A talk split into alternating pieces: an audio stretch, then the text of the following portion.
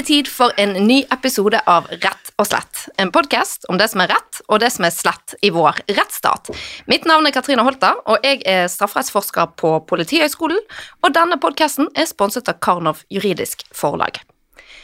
I fjor så uttalte FNs generalsekretær at eh, krigen mot forskningen må ta slutt, og at eh, verden må forsvare en felles, empirisk fundert tilnærming til fakta og kunnskap. Eh, I Danmark har vi sett folkevalgte som ønsker å forby spesielle forskningsfelt, og her hjemme så har mediene, og da særlig universitetsavisen Krono, fulgt opp flere enkeltsaker der forskere opplever at kontroversielle uttalelser får konsekvenser. Så i dag lurer jeg på hvordan det står til med den akademiske ytringsfriheten i Norge. Og dette har nylig blitt utredet av et eh, offentlig utvalg som er ledet av Norges mest synlige ytringsfrihetsekspert, førsteamanuensis Anine Kierulf fra Universitetet i Oslo. Og det er stor stas å ha med Anine i studio i dag, og i nok en episode som kommer i neste uke. Velkommen til deg, Anine. Tusen takk, veldig hyggelig å være her. Hvordan ser utvalget på eh, Altså, hva, hva, tenker utvalget om kårene for akademisk ytringsfrihet i Norge i dag? Ja, eh, alt er jo relativt, så i forhold til omtrent alle andre land, så er vel kårene for akademisk ytringsfrihet i Norge omtrent så gode som de kan være. Eh, men det betyr jo ikke at det ikke er ting å forbedre også i vår norske idyll. Og det er jo utgangspunktet for at dette utvalget ble nedsatt, nemlig å se på noen av de utviklingstrekkene for så vidt internasjonalt, men også i Norge, som gjør at forskere vegrer seg for å delta i offentligheten.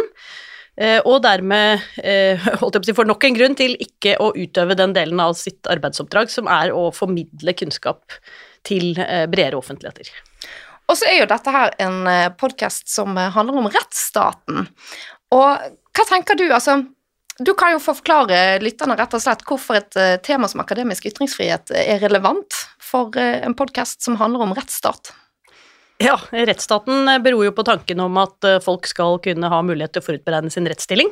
Det kan de jo ikke hvis ingen forklarer dem hva reglene går ut på, eh, hvordan de kan håndheves i praksis, eh, og hva de gir rett til og, eh, og muligheter til. Eh, så noen må jo bidra med den kunnskapen ut i samfunnet, og denne noen, det er jo da stort sett jurister. Eh, og de juristene som eh, sitter på private kontorer og kanskje tett på politisk ledelse i departementene, de har sterke insentiver til å drive med andre ting med sin fagkunnskap, eventuelt ta mye betalt for dem, og det er det jo ikke alle som kan drive med. Sånn at de akademikerne som holder på med juss, de har jo en stor oppgave i å bidra til rettssikkerhet og forståelse for rettsstaten gjennom å formidle innsikter på sine juridiske felt. Ja, og da trenger vi akademisk ytringsfrihet. Ja, og det var jo bare juristene, men den akademiske ytringsfriheten, den, eh, den er det jo egentlig for at den enkelte akademiker skal kunne gi uttrykk for det vedkommende ønsker, eller la være. Eh, men også for at samfunnet skal kunne tilegne seg den kunnskapen. Det står i Grunnloven § 100 sjette ledd at det påligger statens myndigheter å legge til rette for en åpen og opplyst offentlig samtale. Da må noen stå for den opplysningen. Og denne noen, det er jo nærliggende å tenke at det er akademikere som eh, på eh, statens og skattebetalernes regning får lov å tilegne seg kunnskap og sitte og togle og vogle med den inni elfenbenstårnene sine, at de ikke bare deler den kunnskapen med andre i fagfellesskapet, men også med eh, de som tidligere het folk flest, men som nå heter vanlige folk. I studio så har jeg òg fått med min gode kollega Morten Holmbo. Han er professor i politivitenskap på Politihøgskolen, og han har skrevet mye og godt om akademisk ytringsfrihet i den offentlige debatten. Eh, og Morten ble også invitert til å gi innspill til Skjærulf-utvalget om akademisk ytringsfrihet. Velkommen til Rett og slett, Morten. Takk for det. Hyggelig å være her. Hva var det du eh, fremhevet i ditt innspill til utvalget? Jeg tok vel opp flere ting, men noe av det som jeg har pekt på, er eh, for det første vil jeg nevne forskeres kildevern, som er et uavklart rettslig område. Eh, I den forstand at det er ikke helt lett å si hvor langt kildevernet går, og det i seg selv kan jo ha en nedkjølende effekt hvis man snakker med informanter som ikke har så veldig lyst til å bli gjenfunnet etterpå. Kan du forklare hva, det, hva er dette for noe? Kildevern er noe vi vanligvis kjenner fra journalistikken, som har drevet med at man har altså et eh, veldig hvitt Journalister har et veldig vidt kildevern. Altså man kan si at du kan fortelle da til en journalist noe som du vil ikke bli identifisert, og da vil eh, pressen gå veldig langt eh, i å verne den kilden og har en, en veldig vid adgang til det. Og etter min oppfatning så bør forskere og tror jeg, Etter min mening har forskere antagelig omtrent det samme kildevern som journalister, men det er eh, ikke helt sikkert at alle vil være enig med meg i, og det er i hvert fall ikke sånn at man som forsker helt uten videre kan love at det vil uh, helt stå seg for en rettsforhandling. Kan, uh, kan, du gi et praktisk eksempel? Altså, hvordan kan dette komme på spissen? Du kan tenke deg hvis du, La oss si du forsker på hvordan politiet oppfattes i kriminelle miljøer så snakker du kanskje med mennesker som for så vidt eh, er i et kriminelt miljø, begår en del straffbare handlinger, eh, og som ikke vil bli gjenfunnet. Da kan jo godt forskeren si at 'jeg kommer alltid til å fortelle hvem du er', og det kan man godt tro forskeren på, og det vil sikkert være sant, men hvis da uh, noen tar, politiet tar, etterforsker noe og tar beslag i forskerens notater, så nytter jo ikke hvor, et, hvor rettsinnet forskeren er, hvis notatene blir kjent. Og det var jo vi kjenner jo det fra den såkalte Rolsen-saken, som var en dokumentarfilmskaper som fikk tatt beslag i en masse opptak i et, uh, i et miljø, og fikk Høyesteretts medhold i at kildevernet rakk så langt av hensyn til ytringsfriheten at det kunne ikke påtalemyndigheten bruke. Jeg mener den dommen gir et godt grunnlag for å si at forskere ville være i samme posisjon, men vi har altså ikke fått noen rettslig avklaring på det. Nei, det er veldig det, det, har jo ikke vi jobbet så mye med i dette utvalget, men det er et veldig godt poeng, et viktig poeng som Morten tar opp der. og det, Jeg er helt enig med deg at jeg tror rettstilstanden ville være Det ville være fullt mulig å prosedere at en forsker skulle ha det samme vern for sine kilder som det en journalist eller noen som drev et journalistisk arbeid, som var det uh, Ulrik Rolfsen gjorde.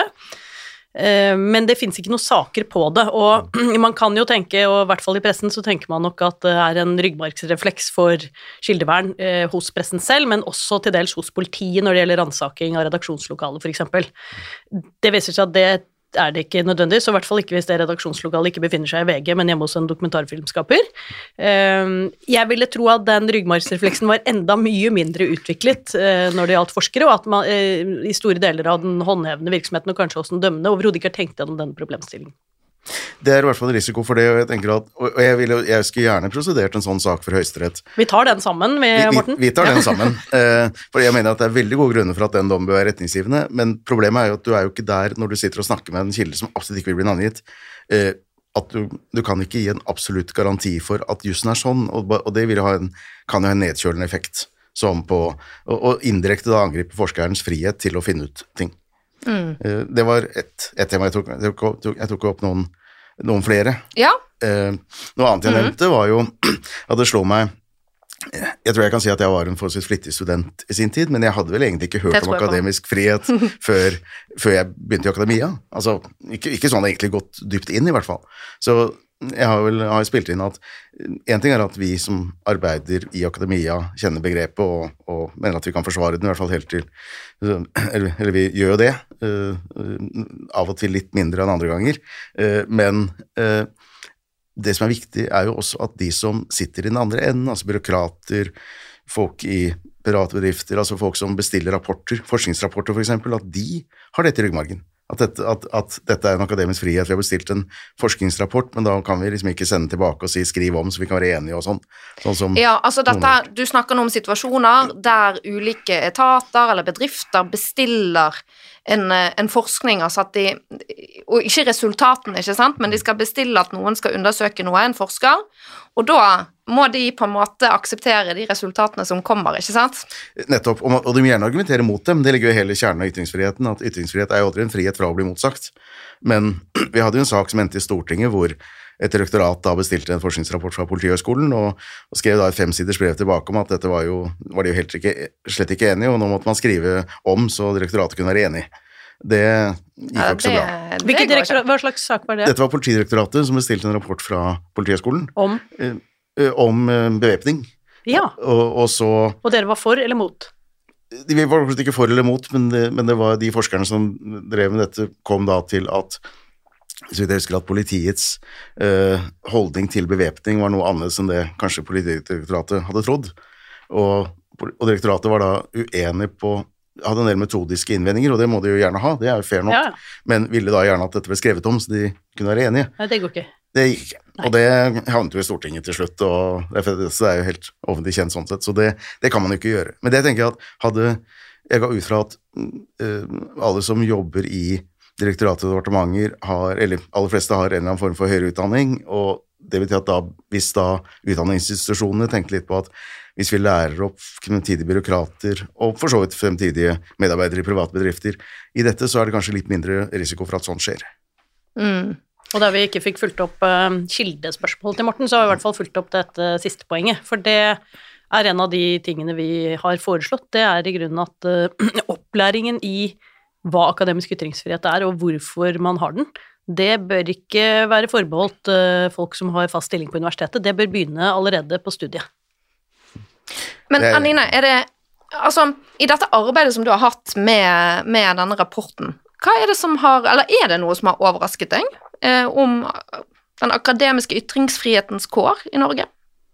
Ja, det er jo ikke så veldig mye forskning på uh, den akademiske ytringsfrihetens kår. Uh, det lille som fins, det uh, stemmer egentlig ganske godt overens med det som har vært av, ja, om ikke forskningsrapporter, så i hvert fall forsøk på undersøkelser om hvor mange forskere som formidler. Eh, hvor mye tid de bruker på formidling i forhold til undervisning og forskning, som er de to andre tradisjonelle arbeidsoppgavene. Og da er det relativt lite. Eh, og så er det eh, også en tendens til at eh, noen få forskere står for veldig mye av formidlingen. Sånn at eh, det utgangspunktet at eh, det er en formidlingsforpliktelse som ligger i det akademiske som ivaretas i ganske varierende grad, det var ikke så veldig overraskende. Ehm, det var mer overraskende, syns jeg, å høre noen av de innspillene som vi fikk, og som for så vidt stemmer med den, uh, det som finnes av forskning, og om hva det er som gjør at uh, forskere ikke ønsker å formidle. For noen ting kunne man jo forutse, ikke sant. Mm. For akademikere som for alle andre, så er det ubehagelig å stå for noe i offentligheten som noen andre er uenig i. Det er liksom iboende. Eh, så det var ikke så overraskende, men Men, men dere på en måte Kom dere frem til at norske akademikere rett og slett gruer seg for å ta del i samfunnsdebatten?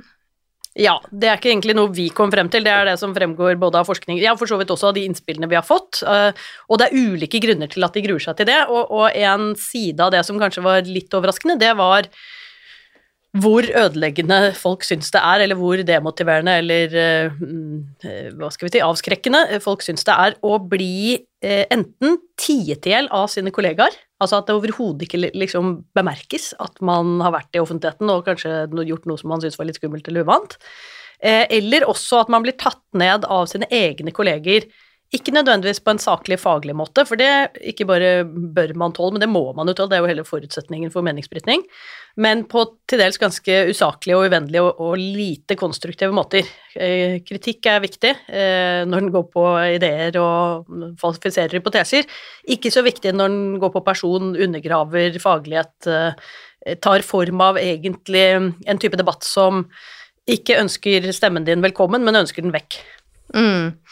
Um, så er det jo litt sånn at ulike fagmiljøer Jeg tror kanskje at, at i jusmiljøet uh, og den, den, debatten som skjer mellom jurister, er preget av uh, ganske ja, relativt stor grad av høfligheter. Og så finnes det andre forskningsmiljøer som har en litt mer polemisk stil i debatten. Uh, men det, det, er vel ikke et problem for ytringsfriheten, det at noen er mer har en mer polemisk stil. Nei, det, og det er jo interessant det der, ikke sant. Jeg, jeg har jo et eh, relativt polemisk husstandsmedlem selv, og, og han har samlet sine polemikker i flere bøker. Bergenser, selvfølgelig. Ja. Um, og polemikk er jo i, Det kan jo være en veldig befordrende eh, form for strid, ikke sant. At du, du nettopp provoserer den andre parten til å svare. Og det kjenner jeg jo av og til på selv. Hvis jeg får motinnlegg som bl.a. mot denne rapporten her, som jeg syns som er litt usaklig, som er litt spissformulert, eh, så kan jo det være akkurat det som vipper meg over til å orke å svare på den, selv om jeg egentlig ikke har tid. ikke sant? Og så og prøve å svare saklig òg. Så det er absolutt ikke noe mål eh, at alt skal foregå i knirkete, papiraktige eh, former, eh, men, men eh, Så vi må ikke være veldig høflige hele tiden for å ha god akademisk ytringsfrihet? Jeg tror at hvis utgangspunktet er saklighet, rimelig saklighet, eh, så vil eh, den polemiske formen som kan brukes som et krydder, den vil være befordrende for mer og bedre akademisk ytringsfrihet. Men det forutsetter at saklighet er, er normen. Fordi uten at saklighet er normen, så blir da blir provokasjon eller spissformulering eller latterliggjøring eller et eller annet annet normen. Da, vi, da mister de virkemidlene sin kraft. Eh, og i tillegg så bidrar det til at ingen gidder å diskutere til slutt. Mm. Og å, så tenker jeg at Det er kanskje litt hvem som er hvem også, fordi at i akademia så har vi tross alt sant, Vi har mange som er midlertidig ansatte, noen stipendiater, noen som er midlertidig ansatt ganske lenge etter avlagt doktorgrad også, og så har vi folk med fast stilling, førsteamanuenser og professorer. Og jeg tenker at det er kanskje også noe med hvordan man i tilfelle polemiserer mot en fersk stipendiat som har turt å stryke sin første kronikk, og en altså Hvis jeg som professor for eksempel, gjør det, så syns jeg kanskje jeg må være litt mer, Ja. eh, litt mer eh, nøy, nøysom med, med det enn hvis det er en annen professor som har skrevet det. For eksempel, jeg vil være saklig mot begge, men man må kanskje være litt ekstra forsiktig Ja, det er jeg helt enig med det. Altså fordi at det kan jo kan jo fort da bli oppfattet som at man, eh, at man sparker litt for lavt. Ja, og den, hva er det Bratholm sier i den gamle ærekrenkelsesjussen, den som selv bruker sterke ord og uttrykk må tåle mer. Ja. Det er jo på injurierettens område, men det gjelder jo litt. Både det du sier om maktforhold stillingsmessig, åpenbart, jo mer etablert du er, jo større ansvar har du for å ønske nye og ikke fullt så etablerte stemmer velkommen på en måte som gjør at de eh, tør å fortsette å delta i offentligheten. Um, men også sånn at eh, de som selv er usaklige og håpløse og sånn, stor fordel hvis du klarer å puste med magen og møte dem mer saklig enn de har opptrådt selv, men de må også tåle å få mer igjen.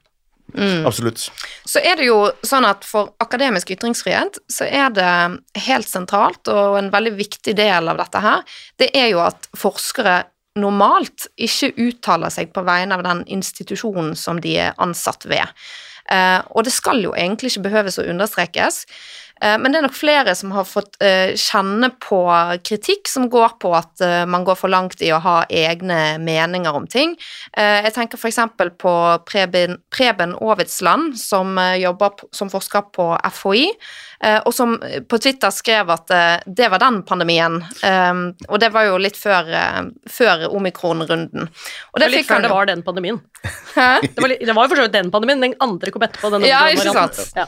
Og, um, og da hender det jo, det, det har jo jeg også erfart, at, eh, at folk tar kontakt med, med rektor eller med institusjonen for å spørre da om eh, den ansatte med dette går utenfor sine oppgaver og sin rolle når de uttaler seg på den måten, og om, om dette liksom eh, er i tråd med å være ansatt på Politihøgskolen, eksempel da, eh, og mene sånn og sånn. Um, og uh, hvordan ser egentlig da dette utvalget, for dere er jo litt inne på dette med institusjonene og forholdet, altså hvilke, institusjon, hvilke plikter institusjonen har. Eh, Så hvordan ser utvalget på forholdet mellom de vitenskapelige ansatte og de akademiske institusjonene?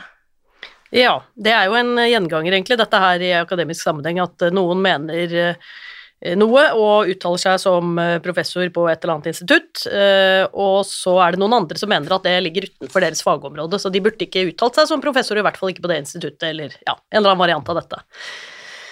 Eh, Der er det noen retningslinjer sånn i de forskningsetiske reglene og sånn, men, men eh, det rettslige utgangspunktet er helt klart. Du kan uttale deg akkurat som du vil, med akkurat den tittelen og tilknytningen eh, du har, hvis du Mm. ønsker det. Eh, Og da er det sånn at det er egentlig opp til offentligheten å gjennomskue om du som eh, professor i astrofysikk skriver om fortetting i villastrøket som du tilfeldigvis bor midt inni, og undertegner med professortittel.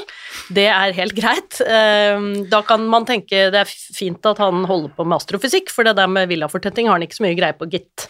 Eh, Det er på en måte opp til offentligheten å vurdere dette her. Eh, Men bare for å ta det eksempelet ditt med Preben Aabitsland, for jeg syns det Folkehelseinstituttet har gjort under pandemien når det gjelder akkurat dette spørsmålet, nemlig hvordan forholder vi oss eh, som forskningsinstitusjon til at våre forskere med eh, tittel og, og tilknytning eh, fremstår uenige i offentligheten.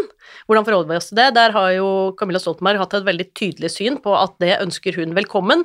Hun ønsker eh, velkommen uenighet internt, og hun ønsker også velkommen uenighet eksternt. Når en leder av et folkehelseinstitutt kan stå på den linjen i en pandemi, hvor det er på en måte utrolig viktig å få på en måte liksom samlet rekkene og klare, tydelige, entydige råd. Eh, hvis hun allikevel kan stå i den fagligheten og si nei, nei, eh, det er flott og viktig at vi får frem at det er faglig uenighet på disse spørsmålene, så er det opp til politisk ledelse å fatte noen beslutninger på bakgrunn av de beste rådene de kan vurdere der og da. Det mener vi er en positiv ting. Når en leder for et folkehelseinstitutt kan stå for en sånn linje midt i en pandemi, så burde det være til stor inspirasjon for omtrent alle andre institutter i dette landet. Mm, det er jeg helt enig om. Man bare sier òg at uh, jeg er egentlig litt sånn fangirl av uh, Camilla Stoltenberg. jeg syns hun er veldig imponerende. Um, ja. Men, for forlengelse dette, jeg er helt enig i at det, dette er det helt åpenbare utgangspunktet, og så må man skille litt mellom Det er forskjell på når man måte, kan sanksjonere, si at du får ikke lov til å bruke professortittelen din, liksom. Det, det, er ganske mye, men det er, det er noen grenser til hva man selv bør gjøre. For eksempel, jeg er professor i politivitenskap.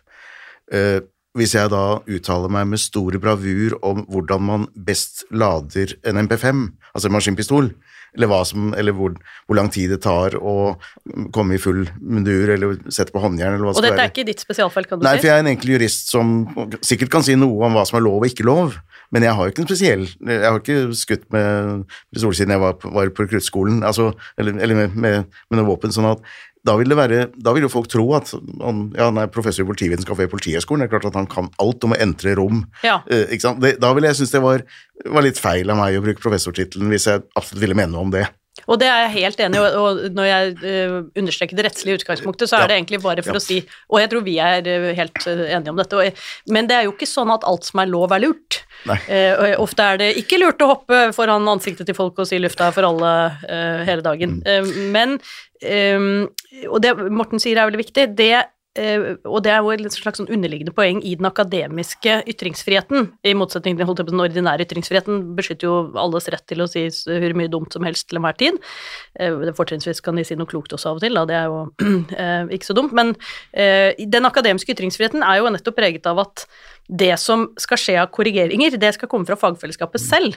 Mm. Og da er det jo en stor fordel hvis du er så uskjønnsom, da, at du går ut med din politivitenskapstittel og sier alt dette om ting du egentlig ikke har greie på, at han på nabokontoret, som har full oversikt over hvordan man lader en MP5-en og hva man skal ha på seg når man entrer et eller annet rom, at han går ut etterpå og sier 'flott at min kollega bidrar sånn og sånn', ehm, jeg har forsket på dette spesielt, og, og eh, dette er det vi har funnet gjennom forskningen, at det er lurt å gjøre når vi skal lade disse pistolene. Det er jo helt enig i. for Jeg mener ikke Det skal veldig mye til at ledelsen skal begynne å blande seg inn i dette. Altså Jeg pleier å skille mellom den uh, vannrette eller horisontale uh, dialog, som kan bli for så vidt gjerne være ganske frisk, den, uh, og den vertikale kontroll.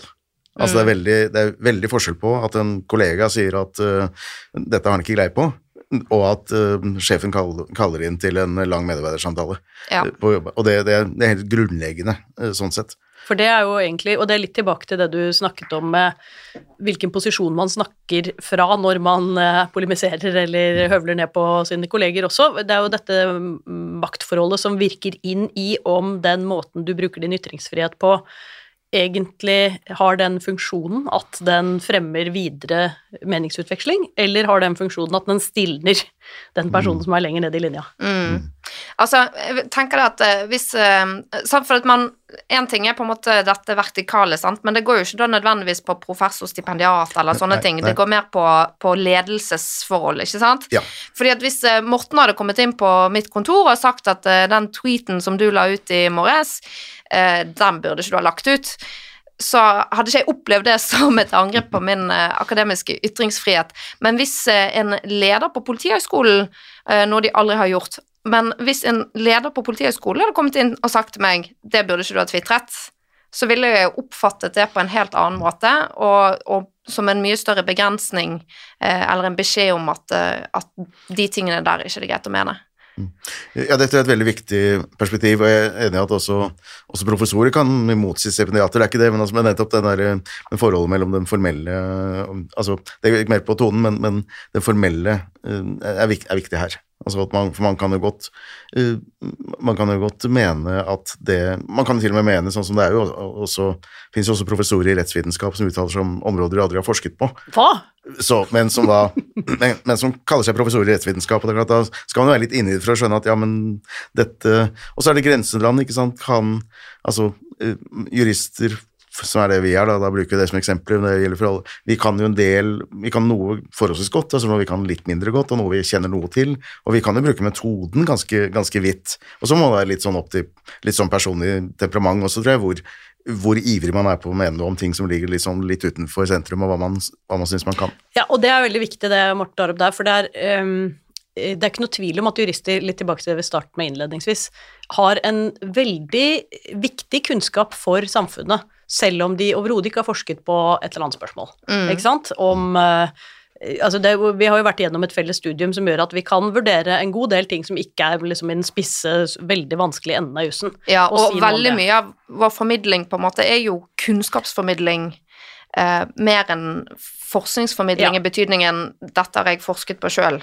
Ja, og jeg tenker at eh, så lenge man gjør det på en måte som, for, som åpner kunnskapen opp, nemlig å si her fins det argumenter i den retning som er sånn og sånn, og så fins det argumenter i den retningen som er sånn og sånn, og så kan du vise videre til de forskerne som står for det ene eller står for det andre, ikke sant. Da er du mer et slags sånn talerør mellom fag og folk og folk og fag, eh, og det tenker jeg er en ganske viktig uh, oppgave, og i vårt arbeid med det, det, denne utredningen, så har vi vært veldig tydelige på det at den akademiske ytringsfrihet strekker seg langt utenfor det området som den enkelte har forsket på.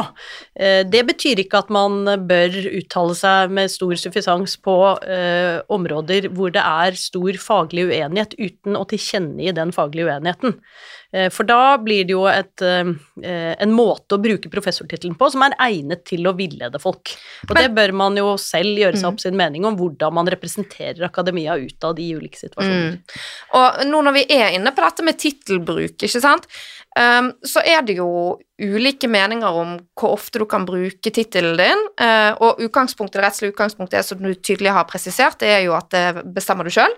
Um, men jeg tenker òg at, um, at hvis, La oss si da at, at jeg skriver en uh, kronikk uh, om uh, panterett. Uh, det ville jeg aldri gjort, men la oss si at jeg skulle gjøre det. da, Jeg skulle skrive om pant. Mm. Og så signerer jeg den, sant? for jeg er jo jurist, og, og min offisielle tittel er førsteamanuensis i rettsvitenskap, og så signerer jeg med det. Da har jeg på en måte gitt uh, leseren et inntrykk om at jeg har stor kompetanse i panterett. Eller la oss si at det, at det hadde vært noe som ligger enda fjernere fra min kompetanse, da. Um, ja, så det kan være, det kan være en eller annen form for uh, litteraturvitenskapelig tekst eller et eller annet sånt som jeg skulle mene noe om, og så signerer jeg bare med, med førsteamanuensis UiO, eller mm. Politihøgskolen. Og da har jo jeg på en måte gitt leseren et inntrykk av at jeg med min tittel har kompetanse på det som jeg har skrevet en kronikk om, og det har jeg jo ikke. Så jeg mener jo at man skal bruke tittelen på en litt sånn måte at man tydeliggjør hva det er kompetansen gjelder. Så jeg pleier ofte å skrive strafferettsforsker eller førsteamanuensis i strafferett for å tydeliggjøre det. Og det er særlig viktig kanskje i de eh, tilfeller der du nettopp uttaler deg litt utenfor ditt fagområde, for da synliggjør du at min kompetanse er strafferett, men nå mener jeg noe om noe som egentlig ligger litt utenfor mitt felt. Så det er jo en måte på en måte å vise hvor langt den kompetansen du har, egentlig går, og være åpen om det på, da.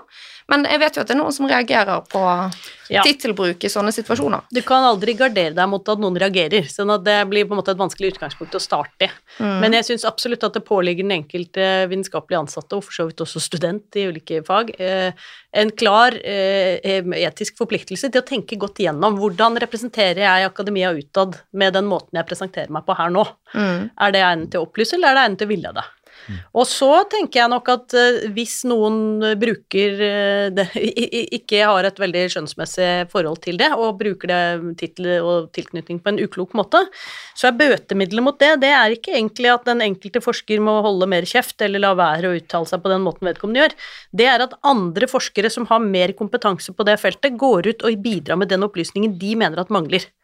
Ja, og så er jo spørsmålet hva, hva, gjør du hvis du er forsker, og så har du et politisk eh, innlegg? Skal du da la være å oppgi tittel fordi at det er et, et, politisk innlegg om noe som ligger utenfor din kompetanse? Jeg tenker at hvis, når jeg leser kronikker der det bare står et navn, så blir jeg veldig nysgjerrig på hvem er denne personen. Jeg er interessert i hvilket perspektiv kommer de med inn i denne debatten. Så jeg syns det er interessant å vite at det er en som jobber som lærer, eller en som Altså hva de driver med, da. Så, når, og når det ikke står noe, så ender jeg ofte opp med å sitte og google og, for å finne ut hvem er denne personen, hvor, hvor kommer denne personen fra? For det er interessant i måten jeg forstår teksten på. Det ligger jo informasjon i den stillingen, og, og hvis jeg skriver noe politisk helt på trynet, eh, som er langt utenfor mitt eget felt og undertegner med førsteamanuensis i rettsvitenskap, så får jo folk et inntrykk av at uh, også førsteamanuensiser i rettsvitenskap på Universitetet i Oslo kan være noen skikkelige idioter. Og det tenker jeg er en added value som de absolutt kan få med seg, men jeg som forsker vil tenke at jeg har en forpliktelse til å gjøre rede for at jeg nå uttaler meg jeg, Dere kan gjerne se hva tittelen min er, så dere slipper å google den, men jeg uttaler meg nå som borger. Dette er ikke mm. noe jeg sier som fagperson. Og det kan du tydeliggjøre i tekst, ikke sant? Det kan du bare si. Det, mm. Nå snakker jeg som borger, ikke som fagperson. Jeg har full ytringsfrihet til å gjøre det òg. Mm. Nei, så det med tittelbruk syns jeg er, det er i hvert fall um, det, det, er noen problemstillinger der som er interessante å diskutere. Det er det, men det er viktig å, å, å minne om det som Anine sa godt også, at det er nettopp Ja, øh, det er viktig at vi tenker over det, hvordan vi bruker titlene våre, men det er ikke en sak for ledelsen. Nei, og, og det er det ikke selv om ledelsen syns at dette bidrar til å gi instituttet eller institusjonen et dårlig omdømme. Det er det absolutt ikke, og jeg tenker vel Jeg har skrevet litt om dette i forbindelse med en, øh, en sak på uh, øh, NTNU, og jeg tenker at det dummeste du kan gjøre for omdømmet ditt, er egentlig å være opptatt av omdømmet. Ja, hvis du, som, hvis du som vitenskapelig institusjon mener at en enkeltforskers idiotiske uttalelser er egnet til å svekke ditt omdømme, så må du gjøre noe med institusjonen din, tenker jeg. Mm. Og så uh, dette Kierulf-utvalget uh, som du har ledet. Uh, dere skriver jo også i denne rapporten at Skal vi se her selv om det påhviler institusjonen en plikt til å ivareta ansatte og studenter som utsettes for ulovlige ytringer, så er det ikke opp til institusjonen å beskytte ansatte og studenter mot lovlige ytringer som mange er uenige i eller blir, blir støtt av. Eh, vil du utdype dette litt nærmere? Ja, dette er et uh, utdrag fra en sånn et utkast vi har laget til en erklæring som kan med fordel flikkes på, kritiseres og endres og suppleres, eh, men som kan være en slags kladd til eh, noe man kan vedta innad på de ulike akademiske institusjonene for å få opp bevisstheten om ytringsfrihet. Det er jo veldig viktig at institusjoner slår ned på ulovlige ytringer, ikke i form av å rettshåndheve dem selv, for det er jo en sak for politiet i tilfelle, um, og, og påtale og domstoler. Men, men uh, poenget med den formuleringen der, det er egentlig at man har ikke noen uh, plikt til å beskytte mot ytringer som noen syns er ubehagelige.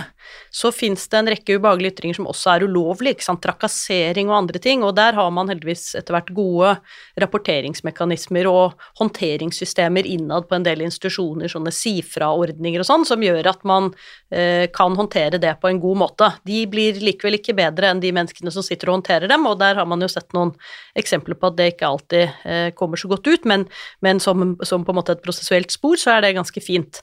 Eh, poenget med formuleringen for øvrig, det er å si at eh, det er en forutsetning for å være i akademia at man tåler å bli utsatt for en rekke ytringer som man selv syns er ganske håpløse. Mm. Og det er ikke en sak for institusjonen å slå ned på, det er en sak for den åpne diskusjonen mellom det akademiske fellesskapet og det studentfellesskapet. Mm. Og så um, så har jo vi denne Eikrem-saken eh, som Krono har fulgt eh, tett, eh, som handler om denne her eh, førsteamanuensisen på NTNU eh, som eh, kom i en konflikt med ledelsen der. og han Det hele startet vel med at han uttalte seg på en ganske kontroversiell måte til nettavisen Resett, og det ble starten på en bøtteballett i flere akter. og Morten, du har jo fulgt litt med på denne Eikrem-saken og skrevet litt om det. Vil du oppsummere hva denne gikk ut på for lytterne, og hvilken betydning den har for den akademiske ytringsfriheten? Ja, det er, det er på en måte en veldig lang sak, og kanskje jo flere faser. Det jeg konsentrerte meg om, var Nå har, har det jo også vært en avskjedssak som het med et forlik osv. Den delen har ikke jeg gått inn på i det hele tatt. Det jeg skrev om dette i 2019, basert på det som da hadde skjedd. Altså for det som skjedde, var jo at eh, Eikrem uttalte seg da til dette nettstedet eh, Resett eh, om Og på en måte som mange fant, som fant mange tungt for brystet. Jeg er, ikke, jeg er ikke psykolog som han er, så jeg skal ikke egentlig vurdere om han hadde eh, faglig hold for det, men han ble i hvert fall da kritisert en del, og det var fair nok. Men så ble han også innkalt til en eh, lang samtale på instituttlederens kontor, og etter hva, etter hva som kom frem i pressen, så var jo ikke det instituttlederen som fant på helt alene. Dette var jo det, mange kolleger da som ba instituttlederen ta affære. og Det syns jeg er litt fascinerende, apropos akademisk ytringsfrihet, at det var mange flere som, som trykket på for at instituttlederen skulle ta Eikrem fatt, enn som brukte tid på å imøtegå rent faglig det han sa. Mm. Og det kom noen innlegg, et innlegg eller to som støttet ham faglig, og et innlegg eller to som gikk faglig mot ham. og Det er jo sånn det skal være. Så det handlet jo mye om dette at dette man ble, for det var dette at dette er et institutt for sosialt arbeid, og kan man oppføre seg slik da og sånn. Og jeg har jo sett i den, en av rapportene dere fikk i Kjærlighetsutvalget, at de uh, kanskje Jeg har jo ment at det er prinsipielt ingen forskjell på, et, på, en høyskole og et universitet og profesjonsutdanning og andre. Og det bygger jeg rett og slett for at hvorfor har vi akademisk ytringsfrihet? Det er hensyn til kvaliteten. Det er en måte å oppnå kvalitet på, jeg, og jeg kan ikke skjønne at man skal ha lavere kvalitet på å utdanne politifolk eller sykepleiere enn, enn filologer og historikere. Så men der ser jeg at andre kan mene at uh, der er det noe annerledes i forhold til hvilken rolle man skal ha og sånn, men jeg, jeg mener nå fortsatt det at hvis man mente faglig at dette ikke gikk an, så fikk man bruke tid og krefter på å svare om faglig. Nå ble det jo bare til at han fikk et martyr, martyrstempel, og, og slapp jo egentlig å stå særlig til rette for sine ytringer, for det var veldig få som brukte tid på å gå det med rette. Så det, jeg, jeg kan si Det er ikke veldig ofte jeg er inne på Resett, det er vel eneste gangen, men da så jeg også i kommentarfeltet, så sto det jo straks ja, han blir vel ikke lenge i jobben, og det fikk de jo på sett og vis rett i. At, og det er liksom, det bygger bare opp under den gruppen som sympatiserte vel med hans ytring, fikk jo bare en slags bekreftelse på at jeg har det, Så det kan man ikke mene. Det, til min oppfatning hadde vært hvis, hvis man forutsetter at det var så feil som da mange mente, og det, det, det, kan sikkert være mye som tall for det, så ville gode, en god imøtegåelse, fra, gjerne fra flere, kunne føre til at man heller ble litt klokere alle sammen. Nå ble vi ikke noe klokere av dette. Nei, det er jo det, det, Jeg har ikke gått inn i den saken, og vi som utvalg er jo ikke noe granskningsutvalg, så vi har ikke gått inn i noen enkeltsaker, selv om vi har fått en del uh, tilsendt. Men, men uh, på et generelt grunnlag så tenker jeg jo at den måten å håndtere kontroversielle ytringer på, det er jo en fallitterklæring for eh, det bedre arguments eh, utvogne kraft. Eh, det er jo å si at vi tror ikke på motargumentasjon. Vi tror egentlig ikke på sannhetssøken gjennom ytringsfrihet. Vi tror på sanksjonering ovenfra og stansing av en type ytringer som vi er uenig i. Mm. Og her gikk jo eh, NTNU eh, til det skritt at de fikk inn eh, et privat advokatfirma, brukte skattebetalernes penger på å betale for en granskning som ble utført av dette advokatfirmaet, der de annet gjennomgikk hans mail, og det var vel fordi at de skulle prøve å finne ut om han sto bak noen sånne anonyme dette kontoer. Dette var del to av saken. Ja, dette, dette, er del to som jeg ikke har for så vidt gått inn i det hele tatt. Ja. Nei, og jeg ville, bare, ville egentlig bare si til lytterne rett og slett at, at, eh, det var, at det er jo en veldig viktig del av den saken. Eh, og eh, det endte jo med at Datatilsynet også da ga kritikk for at man hadde krenket hans personvern. Jeg tror bare, uten å gå inn i saken konkret, jeg tror det er viktig å skille mellom ulike deler av den saken. Og den delen Morten og jeg har diskutert her nå, den gjelder den første siden, som ikke har noe med ulike Facebook-konti og, og bruk, misbruk av mail eventuelt, eller andre ting som den granskningen så på. Mm. Uh, men uh, Anine, altså dette utvalget har jo foreslått uh, en rekke tiltak, og, eller anbefalt ulike um, tilnærminger, blant annet noen lovendringer. Um, vil du ta oss igjennom noen av de viktigste tiltakene dere har anbefalt? Ja, det er jo Hvis holdt jeg på å si, diagnosen egentlig er Det er ikke jussen det er noe gærent med, det er kulturen. Eh, som var vår diagnose, så er jo virkemidlene endre jussen ikke så uh, åpenbare. Men uh, vi har allikevel sett det som nødvendig å presisere noen ting i en bestemmelse i universitets- og høyskoleloven som handler om uh, faglig frihet eller akademisk frihet. og grunnen til det er litt det som Morten var inne på innledningsvis.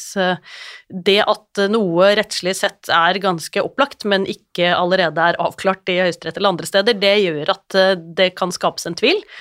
Og ut fra det vi har hørt om eh, tilstanden på ulike akademiske institusjoner og hos en del akademikere og akademiske ledere, så var det vårt syn at eh, det man for så vidt kan eh, lese ut av loven allerede, det er ikke sånn den praktiseres i det hele tatt. Så det vi har prøvd å gjøre, er egentlig å understreke at den akademiske friheten og den akademiske ytringsfriheten er noe det ligger til institusjonene å sikre at uh, finner sted, uh, men også å gjøre det mulig for både studenter og ansatte å forstå hva akademisk frihet og akademisk ytringsfrihet er, og hvordan den kan utøves på gode måter. Eh, og også at de får rom til å gjøre det. For sånn som det er nå, så er det jo hva diskuterer man da når man diskuterer vitenskapelige stillinger? Man diskuterer om man har en 50-50-fordeling mellom forskning og undervisning, eller en 60-40, eller kanskje 70-30 i noen stillinger. Hvor blir da, Hvilken prosentandel er det som skal brukes til formidling? Kan vi få rom til å gjøre den delen av arbeidsoppgaven som det står i loven og har stått i loven lenge at vi skal drive med? Så det er en, en, tydeliggjøring, og vi har også tydeliggjort at den akademiske friheten til å drive formidling, på samme måte som til å drive forskning og undervisning, den skal være fri fra politisk eller annen ekstern overstyring, naturligvis. Eh, det ligger jo i den, i den, grunnleggende akademiske friheten. Så det er det vi har tenkt på på uh, lovgiversiden. Og så har vi også tenkt hvilke andre typer harde virkemidler er det staten bruker. Jo, den betaler oss penger for å gjøre ting som den har lyst til at vi skal gjøre, nemlig å forske og undervise, utdanne arbeidskraft. Uh, der knyttes det jo eksterne insentiver, pengeinsentiver, til begge de to tingene, forskning og undervisning.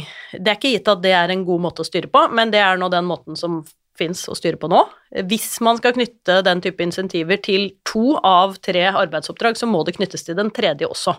Nå er denne indikatormodellen som det heter, den er jo litt i spill.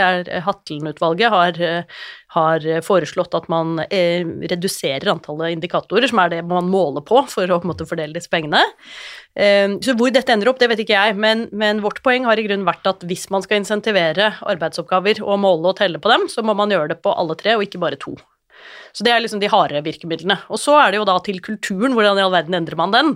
Det er jo ikke så lett. Eh, så det vi har gjort der, er litt mer sånn hva skal vi si, sånn nudging, som det heter, fra Kahneman og Sønstien. Ehm, eh, hvordan skal vi få eh, en forbedring i måten man tenker ytringskultur på?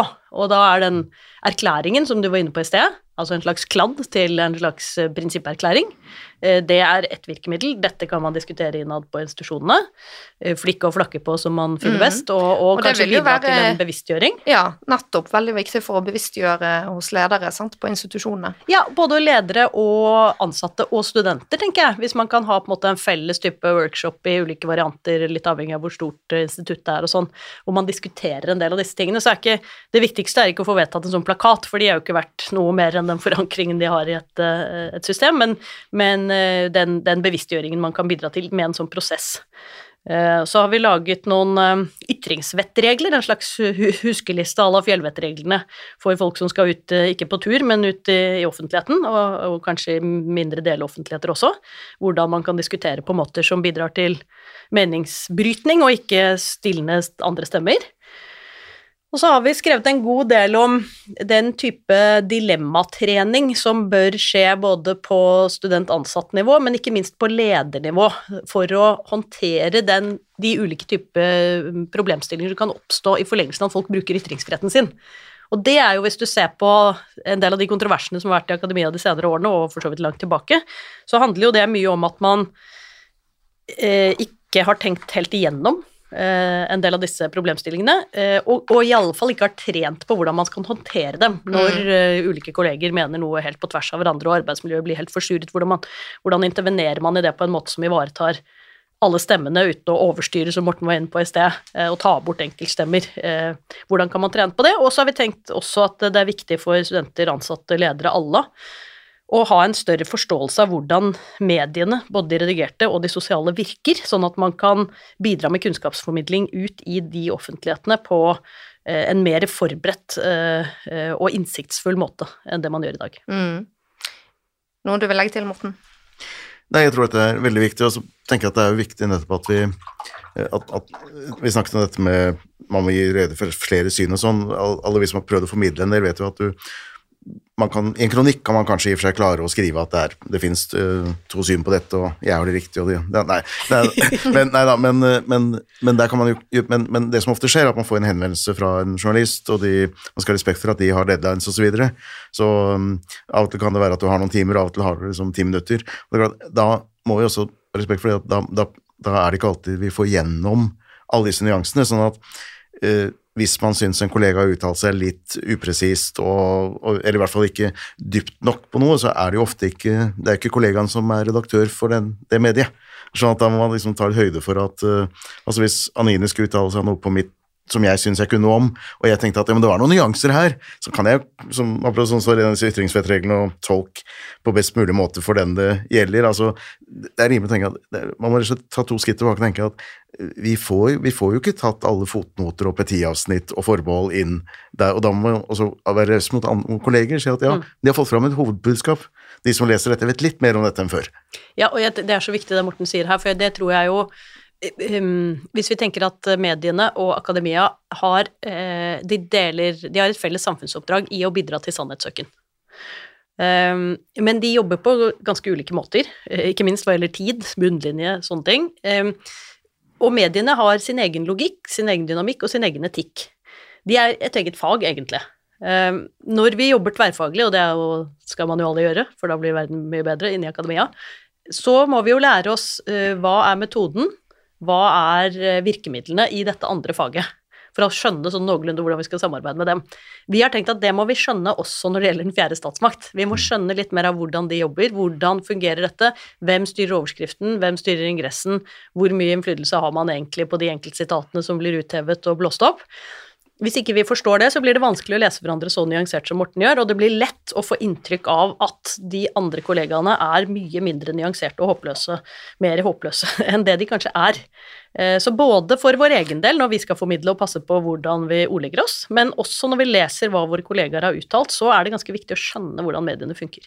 Ja, og så tenker jeg at det, det, er egentlig en veldig fin eh, måte å avslutte denne første delen av denne samtalen på, eh, med oppfordringen om at vi forskere også må gi hverandre litt grann slekk. Man får ikke frem alle nyanser alltid gjennom formidling i media så er det jo sånn at for journalistene, sant, så, så, er dette De tenker jo kanskje at er det så farlig om ikke du får frem alle nyanser, ikke sant, for dette er jo en sak som er borte når den ikke ligger på fronten lenger. Eh, så journalistene kan kanskje også tenke over at for forskerne, som kan få litt sånn angst hvis ikke nyansene kommer frem, så handler det jo også litt om at eh, for oss så finnes jo den saken hver gang ditt navn blir googlet i fremtiden. Så den, eh, den forsvinner ikke for den personen, da. Så her, eh, her, må vi må forstå hvordan mediene fungerer, og mediene må også ha en forståelse for at det kan være ubehagelig for uh, forskere. Uh, så da tror jeg egentlig at vi har kommet til uh, veis ende, da, i denne denne første delen av denne samtalen. Um, skal vi se, del to vil du få tilgang til eh, neste uke. Husk å følge denne podkasten i din podkastspiller, og fortell også gjerne om den til en venn, sånn at jeg og mine gjester kan nå ut med det glade rettsstatsbudskap til nye lyttere. Takk for følget, og på gjenhør.